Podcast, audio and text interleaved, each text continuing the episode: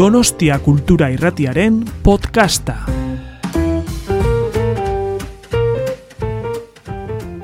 Vamos a empezar, ¿les parece? Seguro que hay algún o alguna rezagada por, la lluvia, pero que se nos puede unir pronto, pero empezamos ya. Eh, gracias a todos y a todas por estar aquí. Como ven en el tarjetón que tenemos en los asientos, con la actividad de hoy damos comienzo a un ciclo que hemos llamado 1821, aludiendo a tres bicentenarios mayores, los nacimientos de Dostoyevsky, de Flaubert y de Baudelaire, tres, tres gigantes de la literatura que han modificado, han determinado los, los derroteros de, de, la creación literaria con, con sus obras, ¿no? claramente tres, tres referentes de la, de la, modernidad literaria. Y para hablar del primero de ellos, para hablar de Dostoyevsky, tenemos hoy aquí a Elvira Navarro.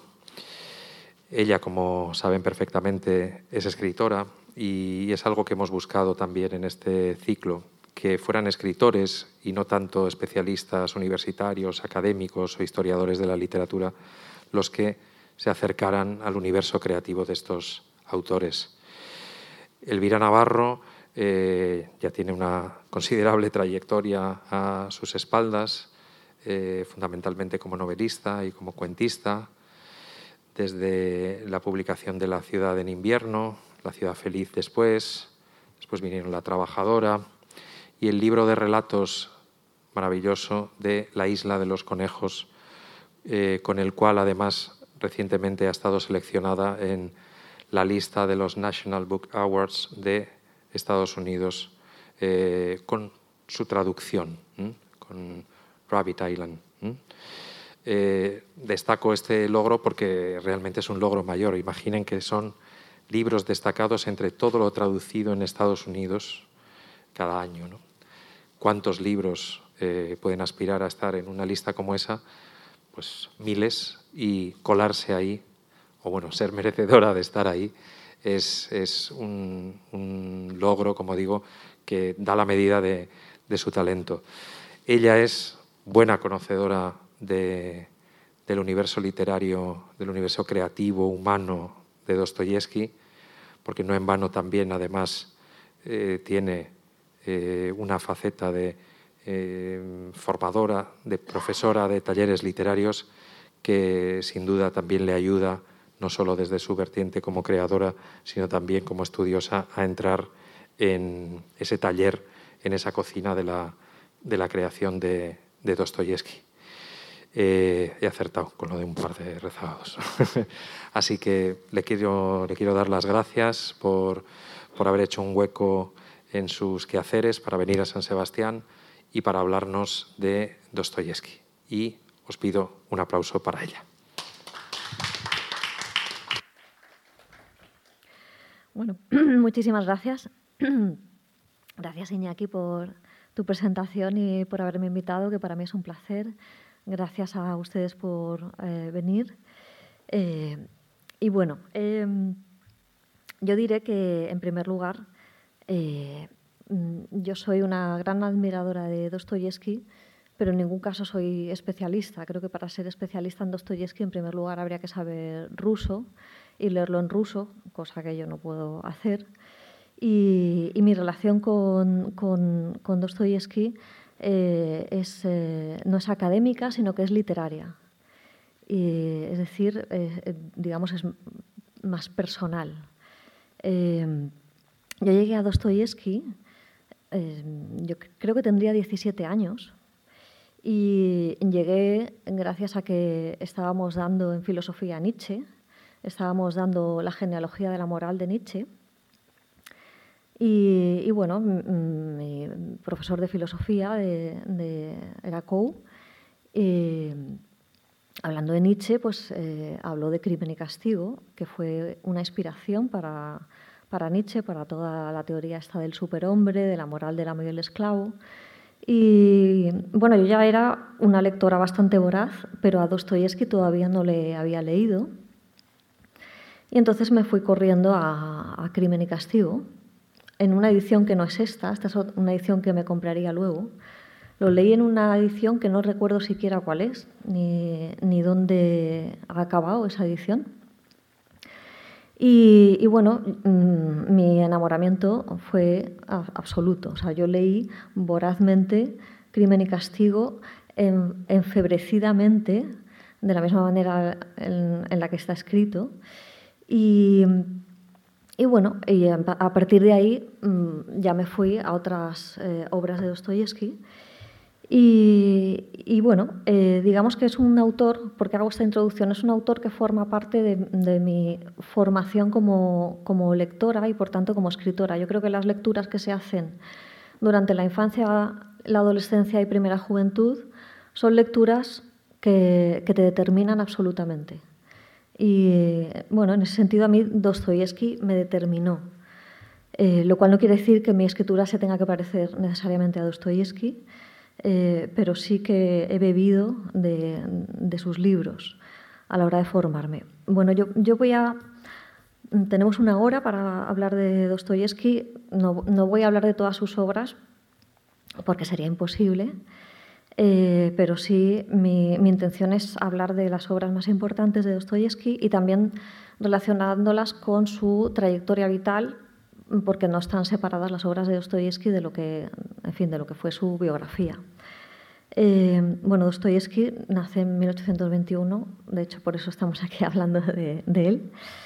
Eh, él es hijo de un médico y de un médico que, mm, según cuentan los biógrafos de, de Dostoyevsky, eh, era, era, una persona muy autoritaria, eh, violenta, y ese carácter autoritario y violento marcó mucho la infancia y, la adolescencia de Dostoyevsky, eh, incluso casi determina su vida. Ahora mm, mm, comentaré por qué. Y bueno, y, este hombre se casó con, con, con, una señora, que era la madre de Dostoyevsky, que por lo visto era una mujer muy, dulce, muy pacífica y muy religiosa. Eh, murió muy pronto, creo que Dostoyevsky tenía 14 o 15 años, no recuerdo bien, cuando muere esta mujer. Y, y bueno, y el padre, cuando, cuando muere su esposa, eh, cae en el alcoholismo y en una profunda depresión. Dostoyevsky es el segundo de siete hermanos. Eh, el primero es Mijail, nombró a Mijail porque va a ser también muy importante en la vida de Dostoyevsky. Mijail va a ser su gran amigo, su gran, mm, digamos, acompañante en, buena parte de su trayectoria vital, no en toda, porque Mijail muere eh, también bastante pronto.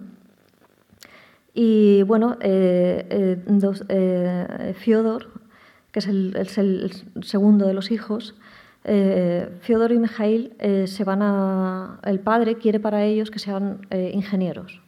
Entonces los mete en una, una especie como de academia militar eh, para que se formen en ingeniería naval. Y Dostoyevsky no le gusta nada. eso no, no, es su vocación. Dostoyevsky tiene, tiene mm, desde que. Bueno, es, es un lector desde muy, desde muy chiquito eh, y mm, él lo que quiere es dedicarse a las letras, es su, vocación. Eh, él, las, lecturas que hace en su adolescencia, eh, hay, dos, digamos, dos influencias determinantes en su adolescencia. bueno, sí, dos. Por un lado estaría el romanticismo alemán. también es lector de Walter Scott, eh, y, luego también es muy lector de, eh, autores franceses. Eh, y eso, sobre todo de autores franceses folletinescos. Ya saben ustedes que el folletín, o sea, los escritores iban dando la novela por entregas, sería parecido a lo que hoy son las series de televisión, pues en, en el siglo XIX está el folletín. ¿no?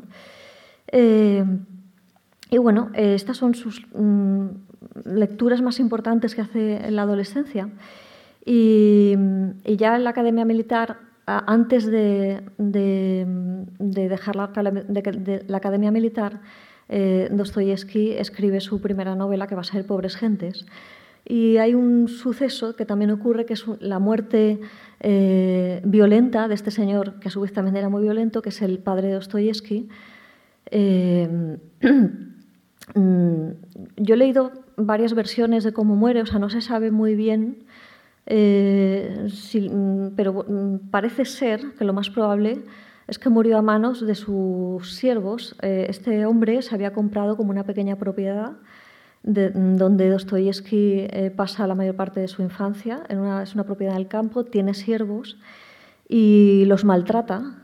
Y en una de estas, en un, bueno, un episodio que tiene de maltratar a, uno de ellos, pues lo matan. Eh, aquí hay muchas teorías de, que luego van a relacionar este hecho de que el padre muere a manos de los siervos con eh, el tema de la culpa en las novelas de Dostoyevsky y también con el tema del parricidio, porque aunque obviamente Dostoyevsky no mató a su padre, sin embargo dicen, dicen, quién sabe, ¿no? O sea, estos son todo lucubraciones, pero dicen que se sintió culpable. Eh, que se sintió culpable porque em, ellos estaban, su hermano y él estaban estudiando en la academia militar, eh, necesitaban dinero, entonces por lo visto el padre pues eh, eh, para sacar cada vez más dinero, pues mm, bueno, a los, a los siervos les hacía trabajar como bestias. ¿no? Eh, entonces Dostoyevsky parece ser, o dicen, que ahí puede haber bueno, mm, esa, esa, culpa que luego va a trasladar a algunos de sus personajes y además está el tema del parricidio que es eh, central en los hermanos Karamazov. Bueno, Dostoyevsky escribe Pobres Gentes, y mm, por Gentes es una novela epistolar. La novela epistolar eh, no es eh, ya un género que esté de moda en ese momento. Eh, tiene su oclusión en, el siglo XVII. pero con todo, Dostoyevsky hace una novela epistolar bueno, donde plantea, donde ya empieza, digamos que en Pobres Gentes ya está, ya está ahí el universo dostoyevskiano. Que tenemos a un pobre burócrata que se llama Macar, que, eh, bueno, que tiene, tiene deudas y, bueno, en ese, en ese, momento la sociedad rusa es una sociedad como de rangos, ¿no? Es decir, está muy estratificada de la misma manera que las castas indias en, la India, ¿no? Entonces, dependiendo a qué, a qué rango pertenecías pues eh, te era muy difícil, era casi imposible salir del lugar donde te había tocado, donde habías nacido. ¿no? Entonces este señor como que ocupaba el rango más bajo de, la burocracia eh, y bueno, ganaba una miseria. Y este señor trata de proteger a una pariente lejana, que es una joven que se llama Bárbara, eh, que bueno, que Bárbara, Bárbara está enferma y hay un esto es, esto es otro, otro digamos otra otra de las tramas que vamos a encontrar en muchas novelas de Dostoyevsky un hombre bueno que trata de proteger a alguien que está en apuros casi siempre una mujer a la cual acecha ya que acecha bueno pues un hombre normalmente bastante mayor que mm, bueno pues que quiere casarse con ella Mm, sin amor, ¿no? simplemente porque es una chica guapa y tal, y en contra de la voluntad de la muchacha, que como normalmente estos personajes suelen ser muy pobres, muchas veces se ven abocados a tener que casarse con estos hombres, que además suelen ser hombres sin escrúpulos, etc. Digamos, esto es la... Bueno, y... Mm, en fin, eh, finalmente la novela pues, mm, termina eh, y lo importante de esta novela que es una novela que ya, tiene, que ya apunta muchas cosas de Dostoyevsky. Esta drama, por ejemplo, su interés por, por las gentes miserables, y, pero está escrita en un... es una novela como lacrimógena. O sea, eh, aquí no vemos lo que vamos a ver en otras novelas de Dostoyevsky, que es, eh, que es la tragicomedia, ¿vale? Aquí lo que hay es tragedia, o sea, no hay, no hay humor, no, es, es una novela entretierna, lacrimógena, está muy bien, o sea, eh, pero todavía no, no es del todo, o sea, todavía Dostoyevsky aquí, que ya apunta a lo que va a ser, todavía, obviamente, su primera novela, pues no, no ha eclosionado. ¿no? Entonces, esta novela, eh, Dostoyevsky la da a leer a, compañeros suyos de, la academia, hay uno que se pone a llorar de la emoción, eh, parece que gusta mucho, y bueno, la novela empieza a correr de mano hasta llegar a un, a un, a un señor a un crítico fundamental en esa época, eh, que es Bielinski. Y este señor, Bielinski, la novela le llega eh, por parte de, un, poeta y dramaturgo que es Nekrasov, que también era muy célebre en la época. Y bueno, están, digamos que el ambiente eh, literario eh, digamos que se está saliendo como del romanticismo, ¿sí? Y, se, sale del romanticismo a través de una novela fundamental de Gogol, eh, que es Almas Muertas, y eh, digamos que se está a la espera de quién va a ser el escritor que tome el testigo de Gogol. ¿no? Almas Muertas ha tenido un éxito brutal y está, digamos, el ambiente esperando al nuevo Gogol. ¿no? Entonces Bielinski dice, Dostoyevsky es el nuevo Gogol. Eso, bueno, o sea, de repente Dostoyevsky con 22, 23, 24 años se vuelve una celebridad. Eh, tengo que aclarar que, a diferencia de la mayor parte de los escritores, Dostoyevsky no viene de una familia aristocrática él es clase media. Y, digamos que los circuitos intelectuales son circuitos eh, muy aristocráticos, muy refinados, reciben una educación muy occidental. En ese momento es Francia el centro de la cultura. Eh, hay quien hablan en francés entre ellos. Eh, también escriben en francés, también. O sea, y, y bueno, Dostoyevsky es como un paria en este, en este mundo, ¿no? O sea, porque eh, es clase media, no tiene unos modales refinados, eh, no sabe cómo, cómo, moverse bien en sociedad. O sea, hoy diríamos, no es un tío guay ni cool, ¿no? O sea, es como, era como un don nadie, ¿no? Entonces, ¿qué pasa? Que Pobres Gentes tiene tal éxito que Dostoyevsky, todo, todo los, el circuito intelectual, aristocrático y tal, eh, pues ya le, invitan a sus casas, a sus reuniones. Es que no se sabe mover. O sea, él está allí, eh, bueno, como un, eh, como un pulpo en un garaje, digamos, ¿no? Y empiezan a reírse de él. O sea, mmm, Dostoyevsky mm, hay un, cuentan una anécdota de que un día le presentan a, una chica aristócrata guapísima, y que Dostoyevsky, de la impresión que le da, se desmaya, ¿no? O sea, porque nunca había visto eh, nada, nada parecido. Entonces se convierte en el hazme reír eh, del, del, circuito este. Es entonces cuando, bueno, sigue escribiendo y digamos que la siguiente novela eh, que a día de hoy todavía se sigue leyendo, comentando y celebrando es El doble, que es una novela que ya no tiene nada que ver con pobres gentes. Eh, eh, se celebró a Dostoyevsky como el nuevo Gogol, pero lo cierto es que pobres gentes, eh, siendo, teniendo el interés que tenía Gogol por, por la gente humilde, sin embargo, no, no tenía el elemento este de Gogol que no sé si, si habéis leído El Capote, por ejemplo, eh, que ahí se ve muy bien, eh, que es muy burlesco, eh, es muy satírico, tiene mucho humor negro.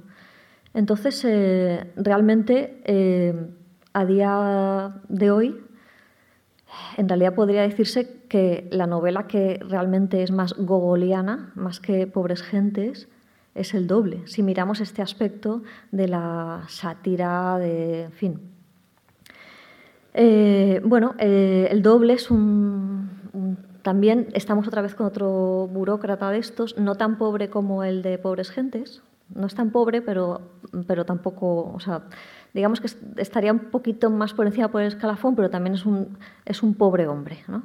Entonces, este pobre hombre, eh, bueno, aparece ahí un personaje que parece ser que es su doble. ¿no? Y lo interesante de, la novela es que en ningún momento llegamos a saber si ese doble es una presencia fantasmal o es una patología. El doble muchas veces, eh, por lo menos lo que yo he estado investigando, eh, digamos que es precursor de, por ejemplo, de Kafka, por un efecto eh, que mm, es el extrañamiento. La sensación de extrañeza que uno tiene al leer esa novela es continuada. Ahora bien, es una extrañeza que es de tipo psicológico, en Kafka la extrañeza ya no va a ser de tipo psicológico. Digamos que el Kafka le da otra vuelta de tuerca al extrañamiento. Y ya mm, hablamos, cuando hablamos de Kafka, hablamos directamente de absurdo. ¿no? Pero ese, esa novela, que se, o sea, jugarse una novela casi en este recurso, digamos que es algo que ya hace Dostoyevsky y que va a ser, va a ser muy importante en el siglo XX a través de Kafka. ¿vale? Eh, Bien, a todo esto, cuando eh, Bielinski, este señor que partía la pana, que era el crítico al que todo el mundo hacía mucho caso de lo que había que leer, cuando lee el doble, eh, se enfada muchísimo, dice esto qué es, esto, esto no tiene nada. Nosotros estábamos esperando que Dostoyevsky hiciera eh, novela social. ¿no?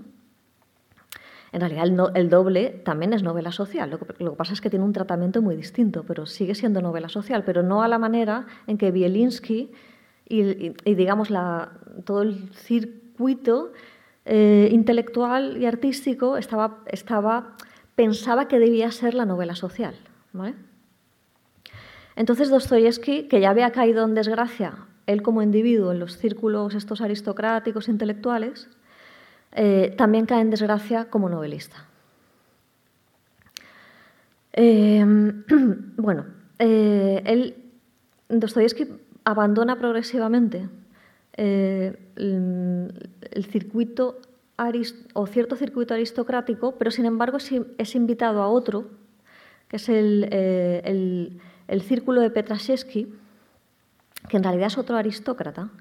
Lo que pasa es que Petraszewski era como un agitador, a día de hoy sería como un agitador cultural. ¿no? Además, eh, eh, también era un intelectual tenía ideas liberales y eh, se reunía los viernes, el círculo de Petraszewski, y este, este joven, porque era, realmente era muy joven, bueno, en aquella época a lo mejor ya no eran tan jóvenes, pero a día de hoy vemos las edades que tenían y realmente eran jovencísimos, eh, tenía mucho, mm, digamos, eh, era rico, entonces tenía la mejor biblioteca de San Petersburgo. Y Dostoyevsky, que era un lector absolutamente voraz, quería entrar en el círculo de Petraszewski porque quería acceder a esa biblioteca para poder leer los, libros que conseguía Petraszewski, que no era nada fácil de conseguir eh, en, aquella época. ¿no? Entonces, eh, bueno, por lo visto había tanta gente en, las reuniones de los viernes de Petraszewski que a veces se organizaban casi como si fueran una asamblea. Y bueno, discutían de X libros. Era, era, mm, era una reunión de intelectuales discutiendo las ideas, las ideas que llegaban de Europa. ¿no? El socialismo, eran antizaristas, eran socialistas, liberales, antizaristas, ¿sí? Entonces, bueno, eh, Dostoyevsky frecuenta el círculo de Petraszewski y, a ese círculo llega un, otro joven, cuyo nombre no me acuerdo, y este joven eh, dice, bueno, sí, aquí estáis todos, venga a discutir cómo liberar al pueblo ruso la situación de los siervos era realmente, clamaba al cielo, ¿no? O sea, vivían las condiciones eh, eh, sociales de, aquella época eran, bueno, eran medievales, ¿no? Entonces, este chico que entra a este círculo eh, dice, bueno, aquí venga a discutir cómo, cómo, vais a liberar al pueblo ruso y cómo vais a hacer la revolución, pero aquí no hacéis nada. ¿no? Entonces decide hacer otro círculo dentro del círculo de Petraszewski para pasar a la acción. ¿no? O sea, no, no, no, se quiere quedar simplemente discutiendo, sino que quiere, quiere mmm, bueno, generar unas condiciones para hacer algún tipo de revolución. ¿no? Entonces, eh, este chico, cuyo nombre no me acuerdo, lo siento mucho, invita del círculo a, aquellos que cree que pueden comprometerse con algún tipo de acción. Y entre, ellos está Dostoyevsky. Eh, a todo esto, el zar, eh, que sabe de la existencia del círculo de Petraszewski, está muy asustado porque están teniendo lugar las revoluciones de 1848 la Revolución de 1848 en Europa, que, se empieza en Francia y que se empieza a extender en Alemania, en Italia, y no quiere que eso llegue a Rusia, obviamente. Entonces, eh, ahí infiltran a, un pintor en el círculo de Petraszewski. Bueno, este pintor pues, hace sus averiguaciones y, digamos, se chiva de que hay, de que hay unos conspiradores eh, contra el zar. Entonces, eh, eh, a Dostoyevsky y a creo que son 21 personas más, no sé si 21, sí, creo que sí, los detienen y los condenan a muerte. Imaginaos, ¿no? que te detengan y te condenen a muerte. Además, Dostoyevsky no había hecho absolutamente nada. Creo que solo había ido a, dos reuniones de, este círculo de conspiradores dentro del círculo de Petraszewski. O sea, era, pasaba por allí Dostoyevsky, ¿no? Entonces, eh, se pasa nueve meses en, una prisión, la fortaleza de Pedro y Pablo, creo que es, San Pedro y, San, Pablo, ahí en San Petersburgo, en unas condiciones eh, muy malas, eh, de insalubridad, de casi enloquece por, estar aislado. Y bueno, lo sacan de allí para, en teoría para fusilarles, ¿no? Entonces, eh, bueno, cuando ya se están dirigiendo a, que los fusilen, eh, cuando ya están apuntando con las armas al primer grupo, entre los que no iba Dostoyevsky, que creo que iban el segundo grupo, de, a los que iban a fusilar, como cinco minutos antes, el zar eh, les concede la, lo la palabra, bueno, los perdona, digamos, les, les conmuta la pena por eh, trabajos forzados en Siberia. Imaginaos lo que es estar pensando durante nueve meses que te van a matar, eh, hacer el camino ¿no? Al, a, que te maten y que, no sé, eh, 15 minutos, a lo mejor a Dostoyevsky le iban a matar 15 minutos después del primer grupo. ¿no? Eh, bueno, entonces mm, pasa cinco años en, un, en Siberia. Eh, en unas condiciones... De hecho, cuando van a Siberia hay gente que no llega, que se muere por el camino, de lo durísimo, de, es Rusia, o sea, temperaturas de 30 grados bajo cero. Y ahí vive Dostoyevsky en una especie como de barracón, con, con lo más eh, lumpen del pueblo ruso.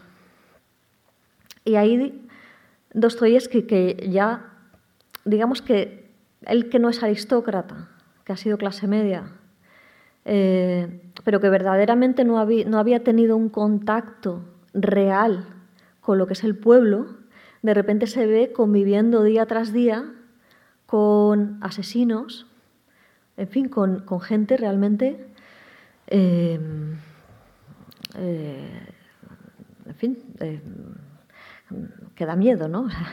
Imaginaos, ¿no? Y, y ahí la única lectura que tiene Dostoyevsky es la Biblia. Y, y bueno, y Dostoyevsky se da cuenta de que incluso el asesino más horrible tiene una parte de bondad. Y que esa bondad muchas veces, bueno, muchas veces no, esa bondad nace o se despierta siempre a través del amor que Dostoyevsky considera que es eh, un tipo de amor cristiano. Eh, Dostoyevsky cuando está, eh, bueno, cuando mm, empieza primero a frecuentar los círculos estos aristócratas y luego va a, las reuniones de los viernes estas de, de, Petras, con los nombres rusos me lío. Em, él, mm, digamos que tiene una fase de creer en el socialismo en un tipo de socialismo eh, que viene por la vía francesa de Fourier en los falansterios. pero ya, ya, antes de Siberia, el que, está leyendo todo es un momento de, eclosión del socialismo. ¿no? Entonces escriben un montón de libros y él se los lee todos, los estudia. Y él empieza ya ahí a dudar. ¿no? Él considera que la situación del pueblo ruso obviamente tiene que cambiar pero empieza a dudar de si el socialismo y la revolución eh, es suficiente, si eso verdaderamente va a llevar a un verdadero cambio o si no es, necesario que haya algo más. Dije antes que la, madre de Dostoyevsky era muy religiosa y, la estancia de Dostoyevsky en Siberia con la lectura de la Biblia y, bueno, conviviendo con estos hombres, eh, digamos que le llevan ya a, una conversión aún mayor en el cristianismo y, a pensar que solo a través de, bueno, de, Cristo el hombre puede redimirse y el pueblo ruso puede liberarse y bueno, esto mm, entonces él pasa em, cuatro o cinco años en los barracones estos, con unos grilletes puestos en las piernas, eh, hacinado, unas condiciones, se morían de hambre. Está contado aquí, en memoria. Este libro tiene em, el título, lo han traducido de muchas maneras. Aquí es Memoria de la Casa Muerta, pero también lo podéis encontrar como Memoria de la Casa de los Muertos o Apuntes de la Casa de los Muertos, da igual.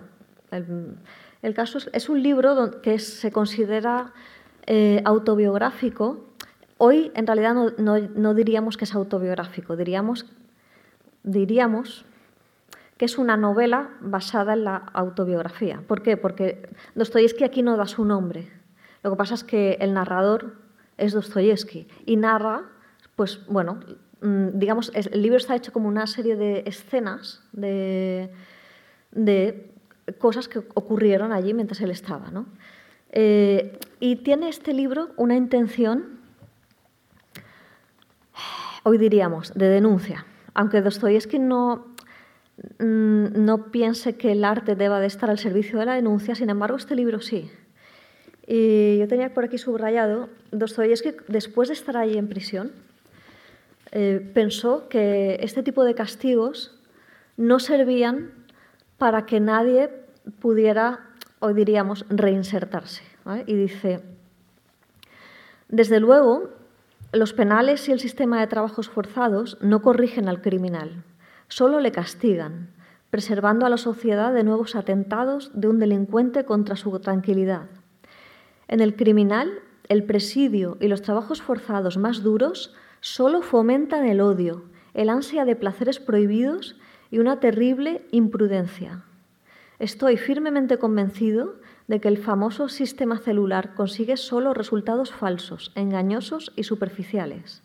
Exprime el jugo vital del hombre, le contrae el alma, la debilita e intimida, y después presenta una momia moralmente seca, un medio loco, como modelo de corrección y de arrepentimiento.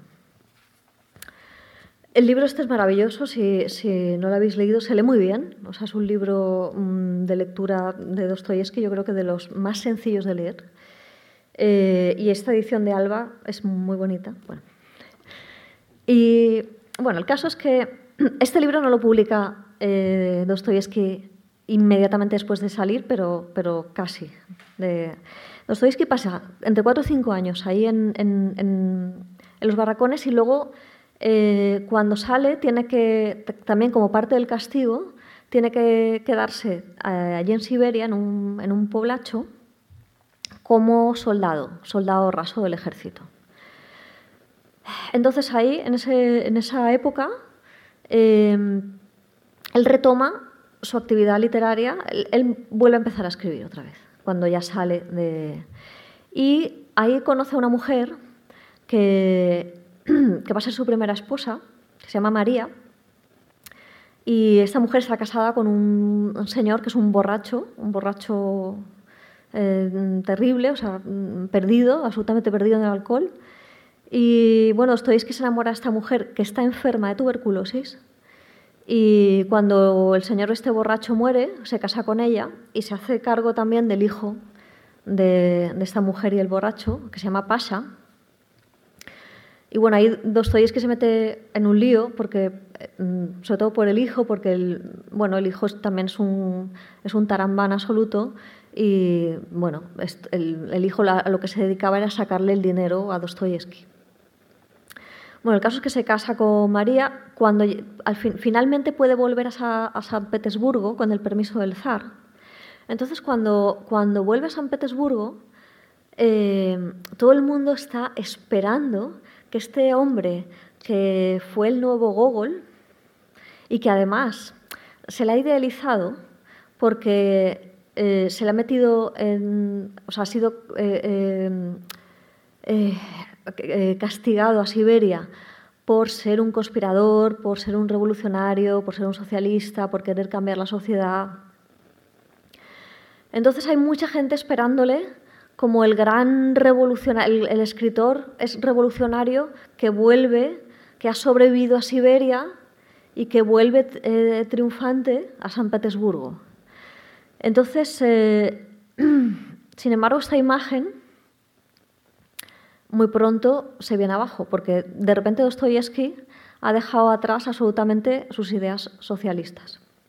Solo va- solo va a conservar la convicción de que el pueblo ruso tiene que ser liberado. Eso es lo único que va a conservar. Sin embargo, vuelve y cuando vuelve es una persona de repente profundamente cristiana, con un pensamiento más bien reaccionario, eh, que recela de todas las ideas que vienen de Occidente, recela del afrancesamiento, recela de mm, la ilustración, recela de... No es que no crea, no es que Dostoyevsky no crea en la ciencia, pero para Dostoyevsky ya todo tiene que estar al servicio de, bueno, de la transformación cristiana, religiosa de, las personas. ¿no? Eh, entonces, la ciencia y todo esto lo que fomenta es el ateísmo, no fomenta la religiosidad. Por eso la, pelea que Dostoyevsky empieza a tener con sus contemporáneos. Y además se vuelve un eslavófilo, un nacionalista. eh, piensa que, que no tiene que ser eh, Europa quien salve a Rusia de la situación en la que está, sino Rusia la que salve a Europa a través del cristianismo. Son ideas muy locas, ¿no? O sea, y Dostoyevsky todavía no ha escrito sus grandísimas novelas, ¿no? Eh, surge aquí una pregunta muy interesante, que es cómo este señor que vuelve hecho un reaccionario, ¿no? Mm, sin embargo, escribe luego todo lo que escribe que en realidad no tiene nada de reaccionario, ¿no? Bueno, ya, ya vamos a verlo. Eh, entre otras cosas, además de volver eh, con estas ideas, con este cambio sustancial, eh, vuelve también más pobre que una rata. Y bueno, eh, ha, ha publicado eh, antes una novelita que, no tuvo ningún, no tuvo ninguna, bueno, escribió unas cuantas novelas que no, son La patrona, El sueño del tío y este Panchicobo y sus, y sus habitantes. Yo estas novelas no me las he leído. Son novelas como muy menores. Y con esta última que, he dicho, este Panchicobo y sus habitantes, pues eh, él va a, las revistas donde solía publicar, todavía conserva ahí algún amigo y tal, y no se la quieren publicar porque consideran que la novela no vale nada. Se llega a decir que Dostoyevsky está aca- acabado como escritor. Eh, y bueno, él, él lo que hace es fundar con su hermano Mijail una revista que se llama, bueno, yo la he visto traducida como El tiempo o Tiempo. Lo mismo da. Entonces, eh, bueno, en esa revista, eh, pues, mm, bueno, empieza, tiene, tiene digamos, a, varios intelectuales, es una revista literaria, se hace crítica, también se habla de, política, etc. Eh, y, y Dostoyevsky en esta época empieza, bueno, una cosa importante es que en esta revista se publica por primera vez en Rusia Edgar Allan Poe.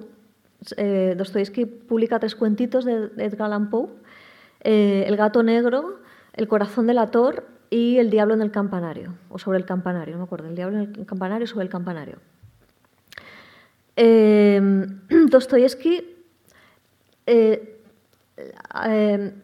bueno, Poe es un teórico de, la escritura mm, y además de escritor, y a Dostoyevsky le influyen mucho sus ideas a la hora de escribir.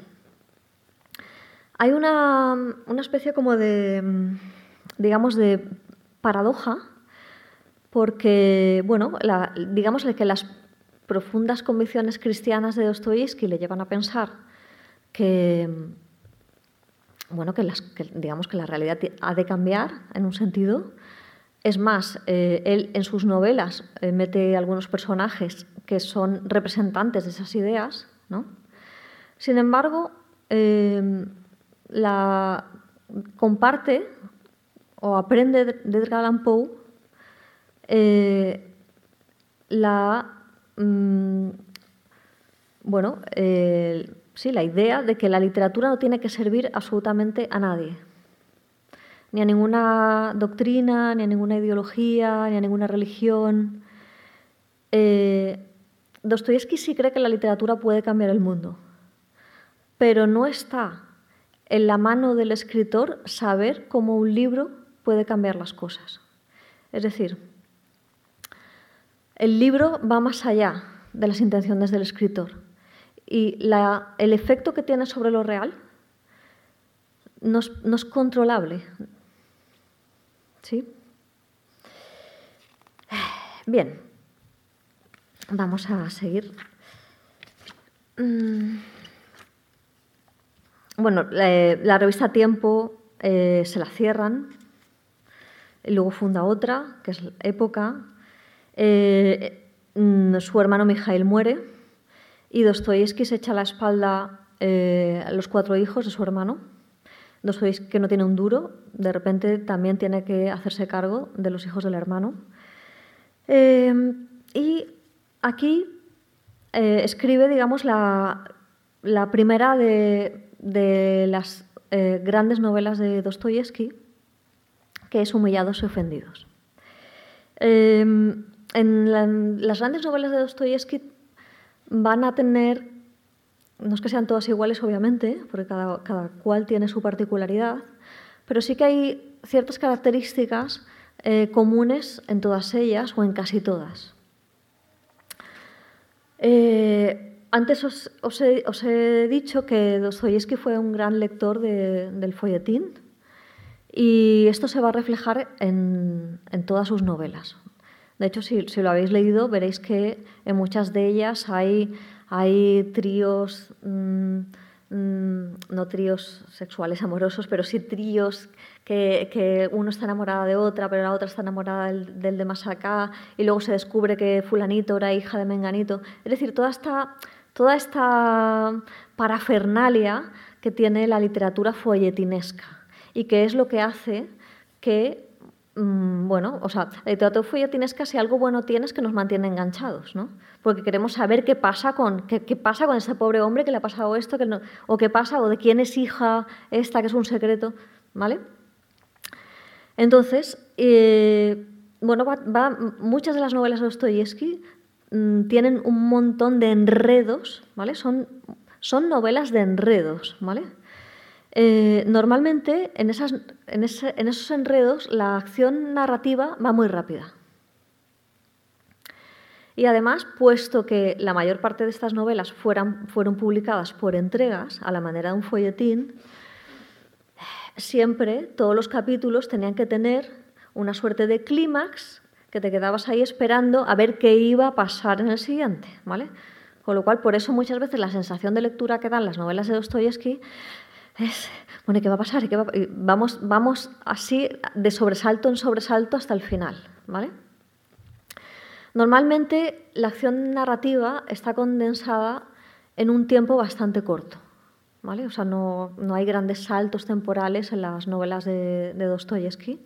Crimen y castigo mmm, creo que son 12-13 días desde que Raskolnikov mata a la, a la casera hasta que finalmente confiesa. Pues ahí digamos que el tiempo es, muy cortito. Eh, hay muchísimos puntos de giro, son muy cambiantes, hay mucho movimiento. O sea, nos creemos que va a pasar una cosa, pero de repente pasa otra, y de repente pasa otra. Puntos de giro, ¿sí? Continuados. No son novelas para nada estáticas. Tienen muchísimo movimiento, pero la particularidad en Dostoyevsky es que buena parte de ese movimiento no es a través de la acción, a veces sí, ¿no? Pero mucho no es a través de la acción, sino a través de los diálogos.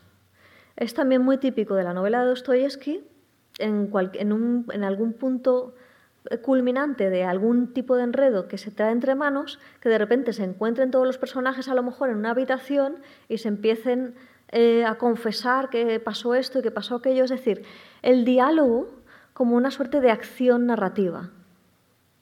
Y además, eh, muchas veces los diálogos de los personajes en las novelas de Dostoyevsky parecen monólogos. Muchas veces son larguísimos. Un personaje toma la palabra y se convierte prácticamente en un narrador durante bastante tiempo. Esto es muy teatral, ¿vale? Dostoyevsky tenía, tenía una composición narrativa que, es muy escénica, ¿vale? Muy teatral. Por eso lo de reunir a todos en una habitación o en, un, cualquier sitio, no tiene que ser una habitación, de la misma manera que en un teatro los actores se reúnen todos en la escena. ¿vale? Eh, bueno, eh, en Humillados Ofendidos eh, tenemos otra vez eh,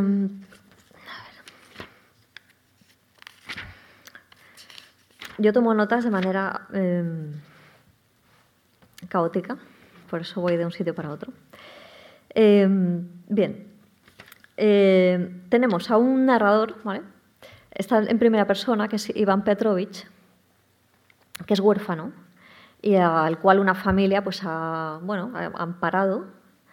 Entonces, eh, Iván Petrovich eh, pues, eh, llega al sitio donde van a tener lugar los acontecimientos eh, y se encuentra, bueno, hay, digamos que hay como dos, dos tramas. Una es la hija de, de, esta familia de, de Iván Petrovich, eh, que se ha enamorado de un príncipe que es un idiota, un idiota no, un idiota como el idiota, sino un idiota de verdad, es decir, un, bueno, un, niñato, diríamos. ¿no? Eh, esta hija se llama Natasha y que se enamora del niñato, que es el, hijo, es un príncipe, es hijo de un príncipe, y, y, bueno, se entrega a él. En ese, en ese momento, entregarte a un hombre, per, perdías la honra, perdías el valor como mujer, etcétera, etcétera. Entonces el padre la repudia. ¿no? Entonces Iván Petrovich está enamorado de Natasha.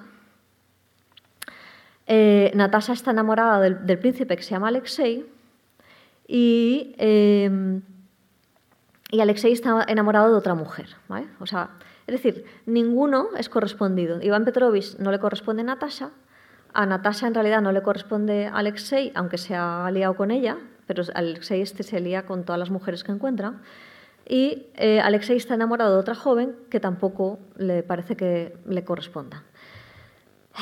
Y hay otra trama que es una niña que tiene, creo que 11 años o 13, 11 o 13, no me acuerdo, eh, que es huérfana y que Iván Petrovich bueno, pues trata de hacerse cargo de ella y la lleva a la familia Natasha. La familia Natasha, como ha repudiado a su hija, pues acogen, acogen a esta nueva hija eh, muy bien Y bueno, aquí hay una serie de, de nuevo de enredos. No es mi intención contar mm, todas las tramas de la novela, o sea, entre otras cosas también porque supongo que no os habéis leído todas las novelas de Dostoyevsky y por no estropearos los finales ni nada por el estilo.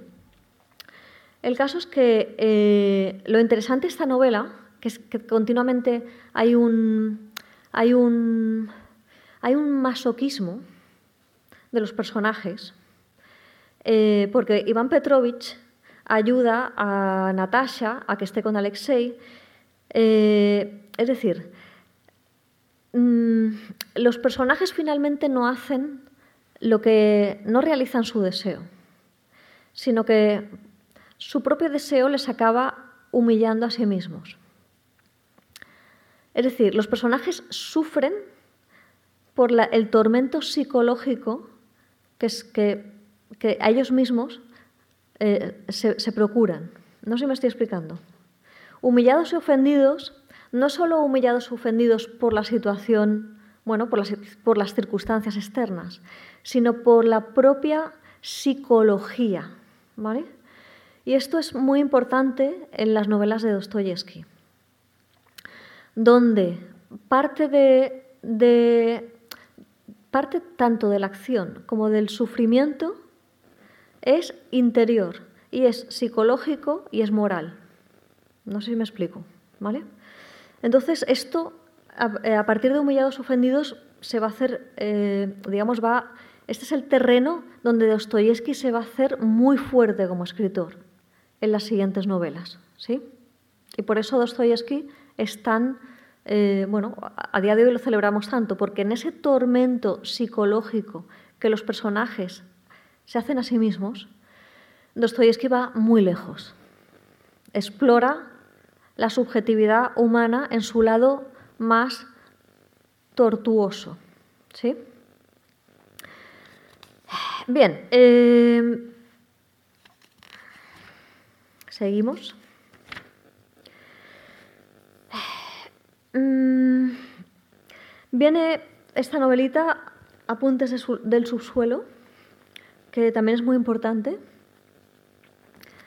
Eh, es una novela que la, experiencia que yo tengo de, de, la gente que la ha leído es que o la ama o la odia, porque es una novela irritante, porque el personaje es irritante, el hombre del subsuelo.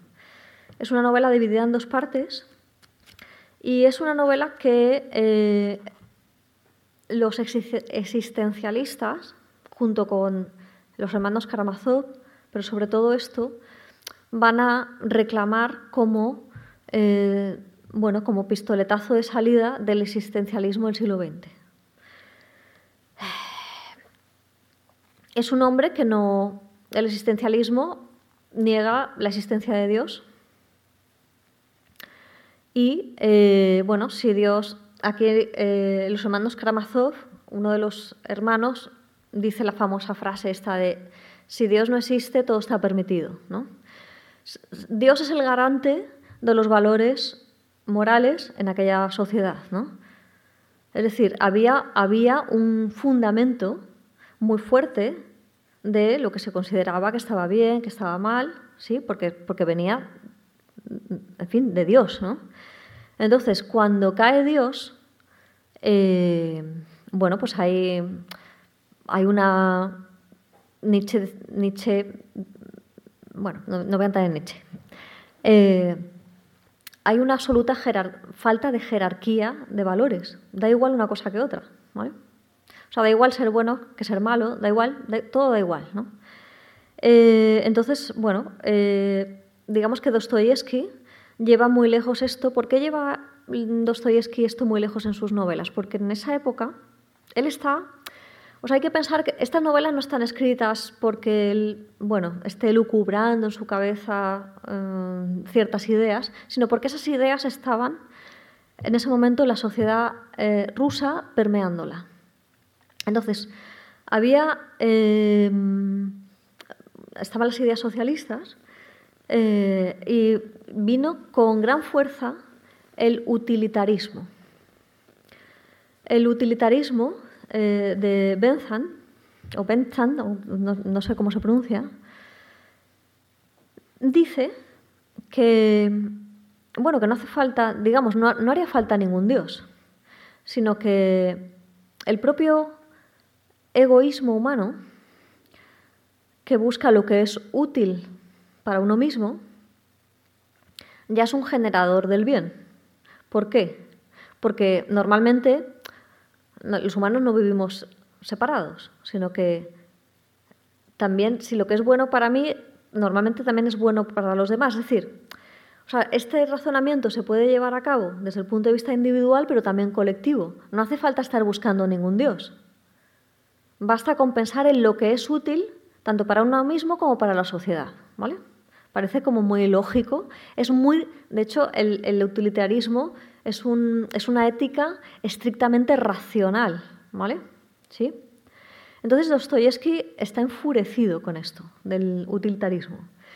Y eh, buena parte de los personajes más oscuros de sus novelas son utilitaristas. En Humillados y Ofendidos ya tenemos al primer utilitarista, que es el príncipe padre de Alexei, que luego tiene una charla con Iván Petrovich. Eh, Dostoyevsky mete muchas veces muchos diálogos muy filosóficos para, porque él está muy interesado en discutir en sus novelas estas ideas, para demostrar a través de sus, a través de sus novelas que estas ideas no son tales. Yo esta charla la, titulé Dostoyevsky, Abogados del Diablo. Y la titulé así porque, a pesar de que Dostoyevsky tiene muy claro cuál es, el, cuál es su posición y qué es lo que está eh, combatiendo, sin embargo, en sus novelas, cuando él pone a un utilitarista de estos a hablar, a un hombre de estos egoístas que está intentando justificar que su propio egoísmo también es un bien, ¿vale? Lo hace de una manera tan convincente que también nos convence a nosotros. Es decir, Dostoyevsky no coge a los personajes con los cuales no esté de acuerdo y hace caricaturas de ellos, o mm, bueno, son personajes más flojos eh, sino que va con ellos también. Es decir, como personajes adquieren una, una dignidad, una rotundidad, pero también adquieren eh, una seducción del lector hacia esas ideas. Cuando leemos a Dostoyevsky que él era un cristiano convencido, sin embargo, la sensación que nos queda al, leer sus novelas no es de alguien que nos está sermoneando para que seamos cristianos, para nada. ¿vale? Si no, no habría sido tan influente, tan influyente en el siglo XX. El siglo XX que no es precisamente un siglo eh, religioso, sino todo lo contrario. ¿sí? Es porque él en cada uno de sus personajes ha llevado lejísimos determinada postura. Cuando a Dostoyevsky le decían que él era un autor psicológico, de gran penetración psicológica, él decía que no, que él no era de gran penetración psicológica, que él simplemente era un escritor realista, pero que ese realismo era un realismo del más alto nivel. Y para él eh, ser un realista del más alto nivel quería decir darle toda la dignidad a todos los personajes, independientemente de que él estuviera de acuerdo con ellos o no. No sé si me estoy explicando. Entonces, un asesino en Dostoyevsky nos puede seducir o incluso nos puede llegar a convencer, ¿vale? Porque él va muy lejos en todo eso, ¿sí? Entonces yo estaba con, eh, bueno, apuntes del subsuelo, hay un hombre, de nuevo aquí la voz o sea, esta novela es muy, muy enloquecedora también. A mí me gusta mucho. Em, y mm, bueno, eh, hay un hombre hablando de sí mismo, no sabemos muy bien desde dónde habla.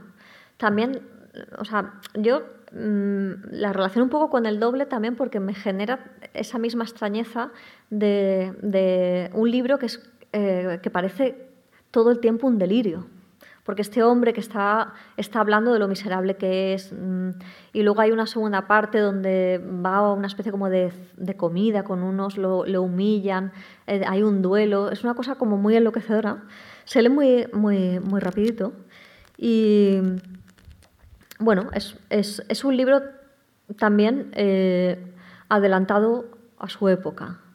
Eh, mm, porque la voz la ocupa absolutamente un tipo que es un antihéroe, un tipo repugnante, repulsivo. Esto también lo vamos a encontrar en el siglo XX en muchas novelas. Los tipos repugnantes, repulsivos, antihéroes que ocupan, o sea, que son los protagonistas de las novelas. ¿vale? Eh, bien, eh, bueno, vamos a. Voy a ir a Crimen y Castigo ya. Eh, Crimen y Castigo fue un éxito absoluto. Cuando en la época de Crimen y Castigo, Dostoyevsky han pasado varias cosas. Se ha muerto su mujer, esta que tenía tuberculosis. Se murió antes. él mm, Mm, había hecho un viaje a Europa, creo que a Alemania y. No, Alemania no, perdón, a Francia y a Inglaterra, donde confirmó como todos sus prejuicios estos eh, contra la sociedad eh, occidental. Eh, y cada vez más estaba más enviciado con el juego. Era ludo, o sea, Dostoyevsky se hizo ludópata. Y además las deudas que tenía, porque siempre, siempre tenía problemas de dinero, además, cuando se tuvo que hacer cargo también de los hijos del hermano, en fin, siempre estaba con problemas económicos y, los problemas económicos les poleaban para que jugara, pero claro, lo, único que hacía era endeudarse más y más y más y más. ¿vale? Entonces, eh, él, tenía un contrato, eh, bueno, él tenía un editor que tengo aquí el nombre apuntado nunca me acuerdo del nombre, si lo, lo encuentro bien y si no, porque mi desorden de notas aquí. Mm. Em, a ver, ¿dónde está? El editor. Mm, no sé dónde está. Bueno, da igual, un editor. Que, bueno, que como sabía que Dostoyevsky estaba de deudas hasta arriba, eh, pues le adelantó 3.000 rublos em, y para que, bueno, tenía que acabar, le adelantó 3.000 rublos eh, por crimen y castigo, además tenía que, darle una novela antes de que terminara el año ese. O sea, le dio muy poco tiempo. Entonces, eh, Dostoyevsky estaba realmente. Eh, los 3.000 rublos que le dio se lo quedaron los acreedores, porque claro, tenía tantas deudas que ese dinero es que ni siquiera era para él, era para pagar sus deudas. Entonces este tipo le dijo que si no le daba eh, un libro nuevo antes de X día, que él se quedaba con los derechos de publicación de todas sus obras, en fin, una cosa espantosa. ¿no? Entonces el pobre Dostoyevsky, loco de agobio y de... contrató a una taquígrafa, Ana se llamaba, y bueno, gracias a Ana logró eh, escribir El jugador, que es una novela también maravillosa. No voy a hablar aquí de ella, pero bueno, el jugador refleja absolutamente su ludopatía. O sea, y además es divertidísima. Mm, o sea, y se lee muy bien también. Es una, novela de Dostoyevsky que se lee muy fácil. Eh, entonces, en 27 días, eh, Dostoyevsky escribió El jugador y pudo entregar la novela, pero bueno, eh, pudo entregar la novela, pero había ahí un, señor que dijo que no la había entregado, en fin, que no, le, no, se, lo quisieron admitir. Dostoyevsky se, fue huyendo de sus acreedores y, bueno, el caso. Pero yo quería hablar de crimen y castigo. Es decir, crimen y castigo, estamos en una época en la que Dostoyevsky está agobiadísimo con el dinero eh, y es ludópata y en fin, en fin. Y esta novela, mm, digamos que ya eh, mm, muchas veces cuando, cuando se habla de la mejor novela de Dostoyevsky, casi siempre estamos hablando de estas dos novelas, o de los hermanos Karamazov o de Crimen y Castigo. No quiere decir, o sea, esto no es ninguna verdad absoluta, en literatura no hay verdades absolutas. Hay quien considera que la mejor novela de Dostoyevsky es Los demonios, menos, pero hay quien también considera que es El idiota. O sea, tampoco, no hay verdades absolutas, pero es verdad que estas dos novelas como que se consideran dos cumbres absolutas de la literatura de Dostoyevsky. Eh, bueno, voy a mirar la hora, que igual estoy hablando. Llevo... He terminado la, hora. Bueno, voy rápido, ¿vale? Bueno, Crimen y Castigo. Em, es, yo, si no, si, nadie, si no habéis leído Dostoyevsky, yo empezaría con Crimen y Castigo. Quizá porque fue la primera novela de Dostoyevsky que yo me leí, porque fue la que me enamoró, pero vamos. Eh, también es porque es una novela que es absolutamente adictiva. En Crimen y Castigo tenemos a, un pobre estudiante que es Raskolnikov, que, bueno, que vive, vive con muchos problemas económicos. Eh, su madre, mm, bueno, su madre y su hermana pues no tienen mucho dinero. Eh, la hermana está a punto de casarse, de nuevo aquí otra vez. Una chica joven que se tiene que casar con un tipo mm, porque tiene dinero, pero que no se casa por amor, sino que se ve obligada a casarse para poder vivir. Eh, y bueno, aquí en Crimen y Castigo, de aquí es donde, donde dice Nietzsche que él bebió para hacer todo esto en la teoría del superhombre. Tenemos a un, a un, a, un chico eh, que, de nuevo, aquí las ideas utilitaristas, ¿vale? O sea, este es un alegato contra el utilitarismo. un chico que piensa que, que, las, las, personas que, que hacen un verdadero bien a la humanidad no tienen por qué obedecer a la justicia del resto de los hombres. Es decir, que hay personas especiales ¿no? que pueden, por ejemplo, asesinar si ese asesinato supone un bien para la humanidad. Pone como ejemplo a Napoleón. ¿no? Estas son las, las pajas mentales que se está haciendo Raskolnikov. ¿vale? que de nuevo viene por el, tema este.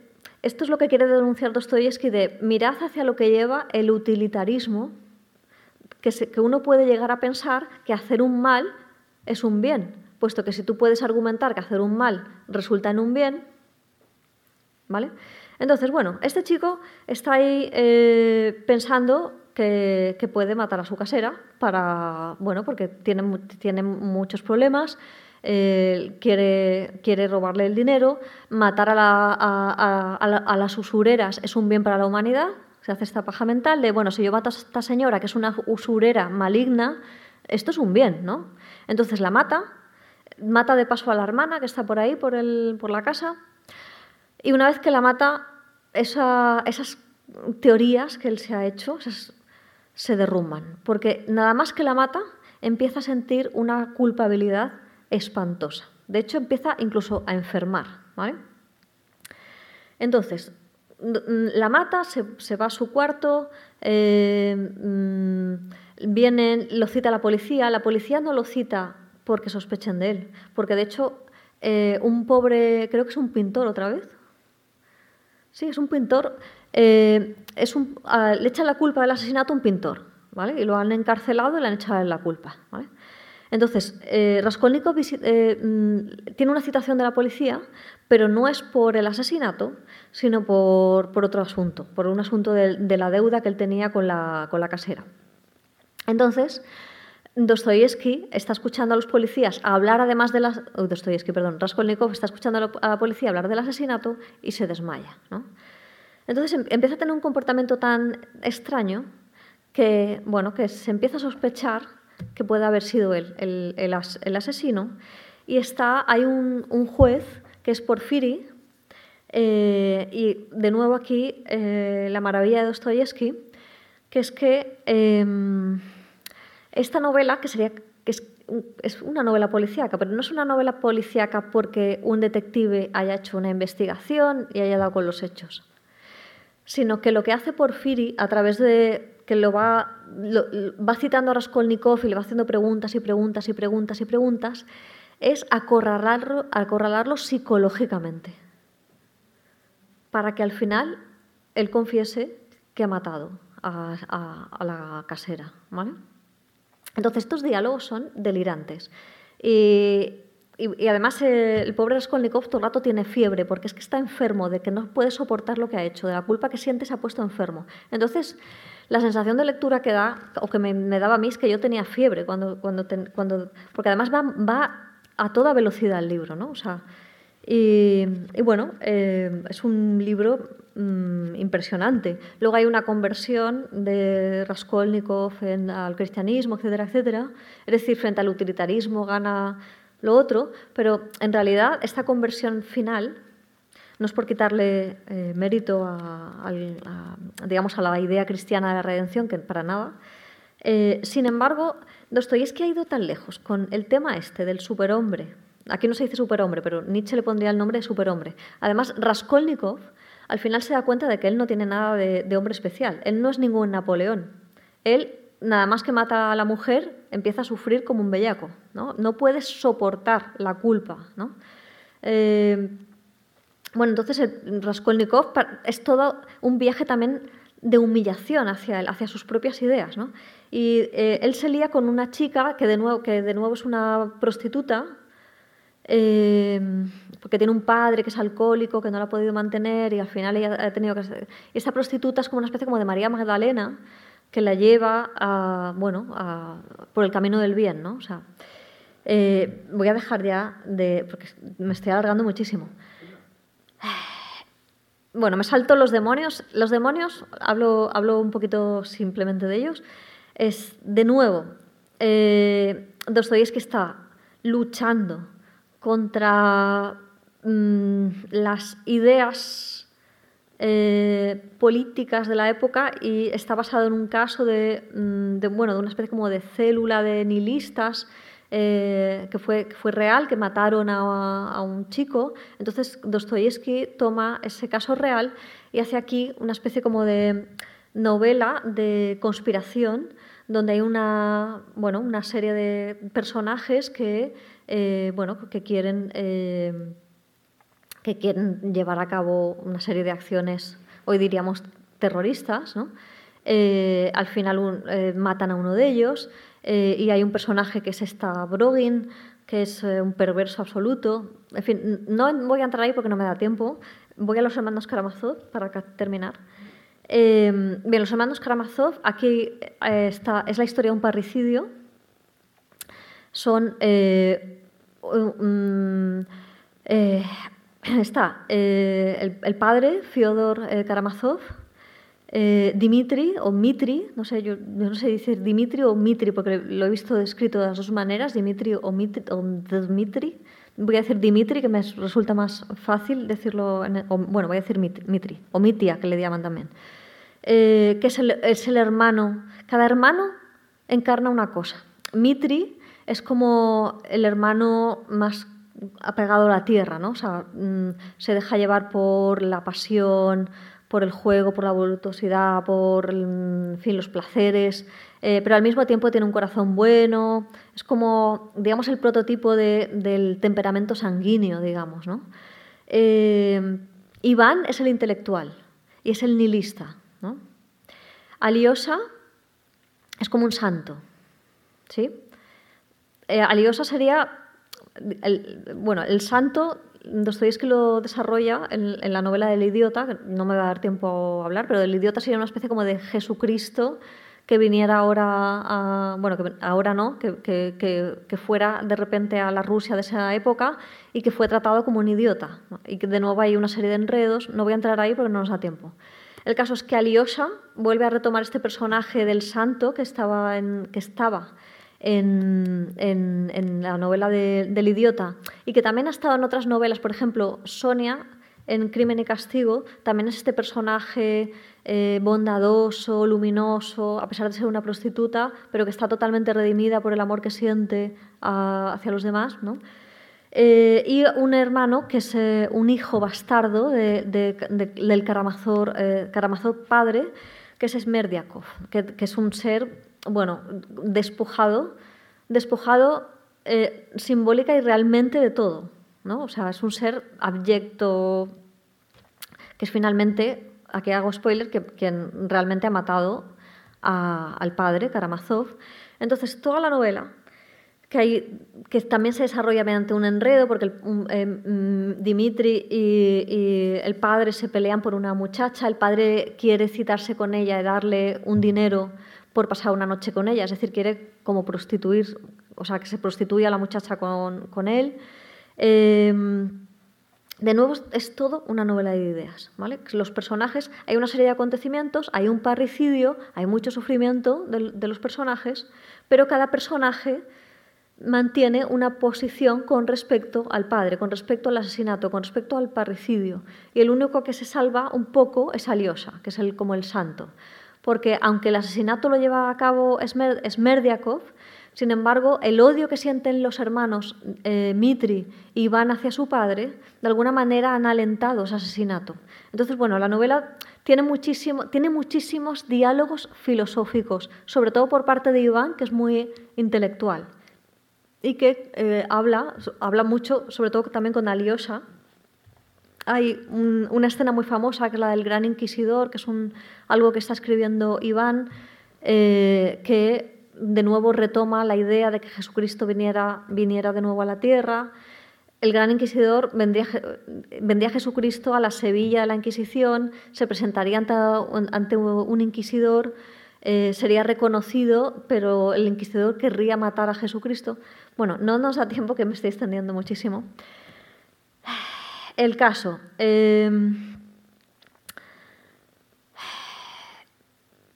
Dostoyevsky tenía profundas convicciones, ¿no?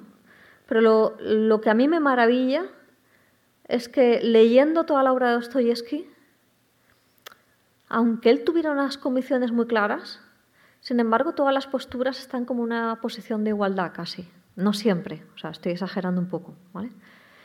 Y la capacidad que tenía para explorar el alma humana era casi limitada. Eh, la sensación que, con la que uno se queda al leer una novela de Dostoyevsky es de haber ido hacia una profundidad absoluta. De hecho, eh, muchas veces Dostoyevsky desarrolla los personajes de la siguiente manera. Empezamos desde una exterioridad. El personaje entra a una escena, habla, le vemos moverse, eh, da relaciones, etcétera, etcétera. Pero las novelas de Dostoyevsky, desde esa exterioridad, como que te arrastran lentamente te van metiendo en el interior del personaje. Y lo más increíble es que no es, no es muchas veces a través de un narrador, sino, como he dicho antes, a través de los puros diálogos. De hecho, por ejemplo, en, Los hermanos Karamazov, cuando Iván Karamazov, que acaba loco, acaba enloqueciendo, tiene como una especie como de ataque, no sé, hoy diríamos esquizofrénico, empieza como a alguien le habla, y la locura es un diálogo. Y en esa locura nos vemos arrastrados, pero lo hace en forma de diálogo. Eh, en fin, yo mm, ya me callo. Os doy, mucho, os doy las gracias. Siento no haber podido hablar de más obras. Pero bueno, em, si me queréis hacer alguna pregunta, lo que queráis.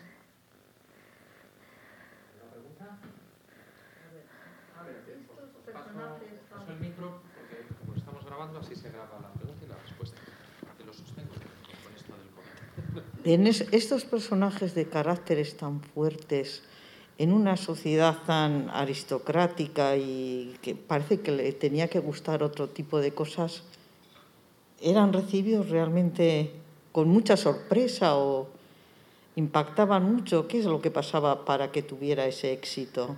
Dostoyevsky. Sí.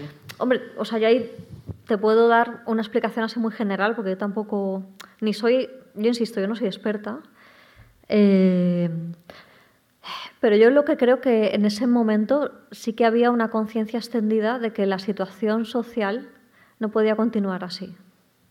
Porque la situación de los campesinos en Rusia era mm, terrorífica. Y de hecho a Dostoyevsky, cuando se le alaba a lo grande, que es con su primera novela, es porque se espera que él sea en Rusia que termina habiendo una revolución. Quiero decir, es que eso se estaba, se estaba gestando desde hacía tiempo, el deseo, incluso en las capas más, no, no solo en el campesino, sino en las capas más altas de la sociedad, que, un deseo de que las cosas cambiaran, ¿no? Y por eso eran tan permeables a las ideas que venían de fuera, no, no la gente humilde, sino la gente pudiente obviamente mm, mm, habría muchos zaristas y mucha gente muy conservadora, pero digamos que todo eso estaba en ebullición. Entonces yo creo que había una conciencia muy, muy grande de que las cosas tenían que cambiar y, y aunque Dostoyevsky luego no pensara que las cosas tuvieran que cambiar así, sin embargo Dostoyevsky todo el rato siguió retratando gente incluso cuando retrata familias que son más o menos bien, no están tan bien. O sea, siempre es gente, hay como una clase media, venidos a menos. Es decir, él está mirando hacia esa enorme falla, falla social. Y luego, además, yo creo que, que, que es un gran novelista. Quiero decir, que más allá de lo que, de lo que uno considere necesario que un escritor tiene que escribir, un gran novelista nos arrastra, ¿no? O sea, aunque, aunque en principio tu cabeza no esté ahí puesta, no sé si me explico.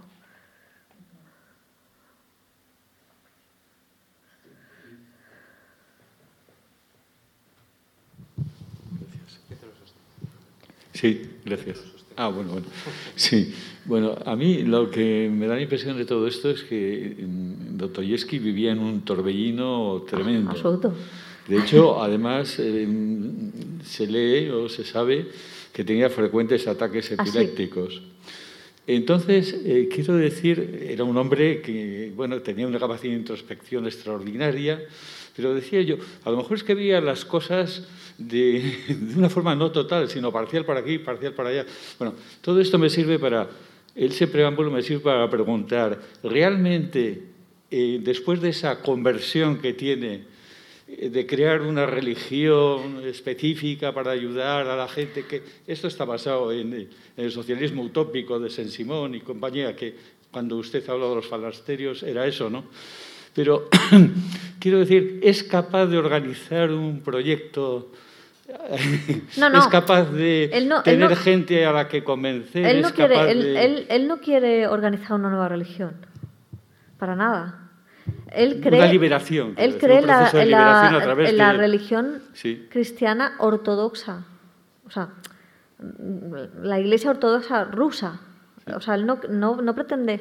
Él en lo que cree es el- el- en que el- la única capacidad de liberación para el ser humano es el amor cristiano.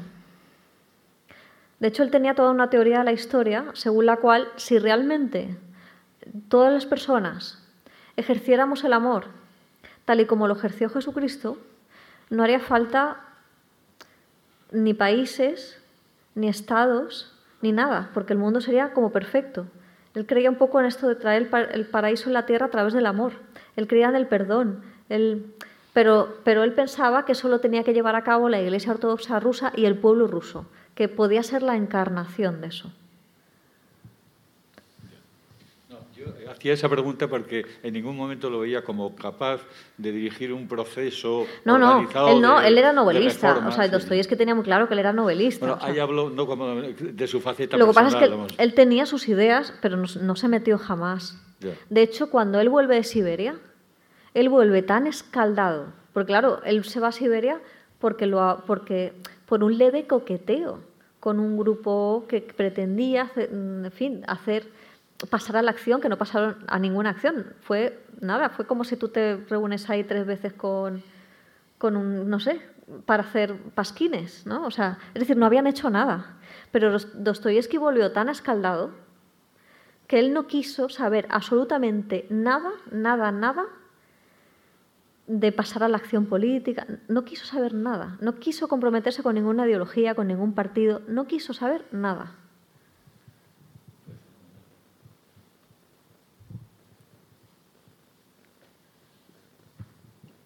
De hecho, en Los demonios, ¿no? hace un análisis muy duro de una especie de vía revolucionaria de la acción, Sí.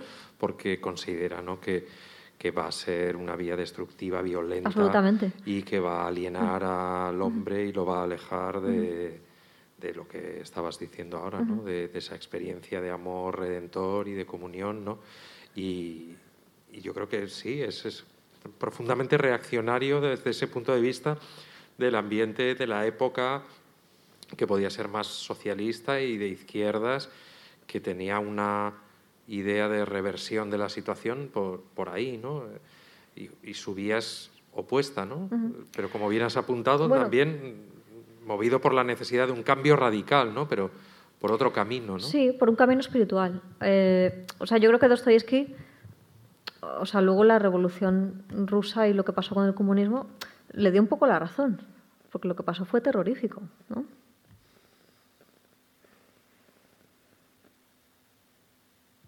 Has apuntado eh, una variación en su prestigio, ¿no? sobre todo al principio, y cuando vuelve, las expectativas y demás, eh, cuando se va eh, convirtiendo en el grandísimo escritor que acaba siendo eh, ¿cuál es su, digamos, su figura, su imagen pública, su prestigio? cuentan que, bueno, Dostoyevsky llegó, o sea, a pesar de que, digamos, como imagen pública se hizo o sea, no fue ese revolucionario que la gente esperaba. Sin embargo, como las novelas fueron tan celebradas, tan amadas, cuentan que el día de su muerte, de cuando le fueron a enterrar, que, fue gente de todo tipo de ideología, de, o sea, no fueron solo los suyos, sino que ahí había todos, o sea, socialistas, zaristas, o sea, todo el mundo fue porque se había convertido en un autor muy querido. Era como eh, Víctor Hugo en Francia, o sea, era a pesar de que, no, de que sus ideas no cayeran bien, pero sus novelas eran, sus novelas eran, claro, es que, no sé, sería comparable, yo no sé a qué puede ser comparable hoy, supongo que alguna serie que, que nos tuviera a todos enloquecidos y alguien que hiciera series y todos estuviéramos durante años detrás de él, no sé. Entonces, eh, eh, final, o sea, digamos que todo el mundo se dio la mano para despedir a Dostoyevsky.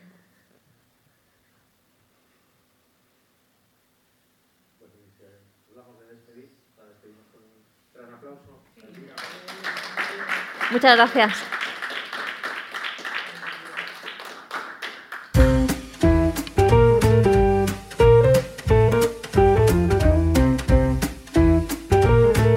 Donostia Kultura Irratiaren podcasta.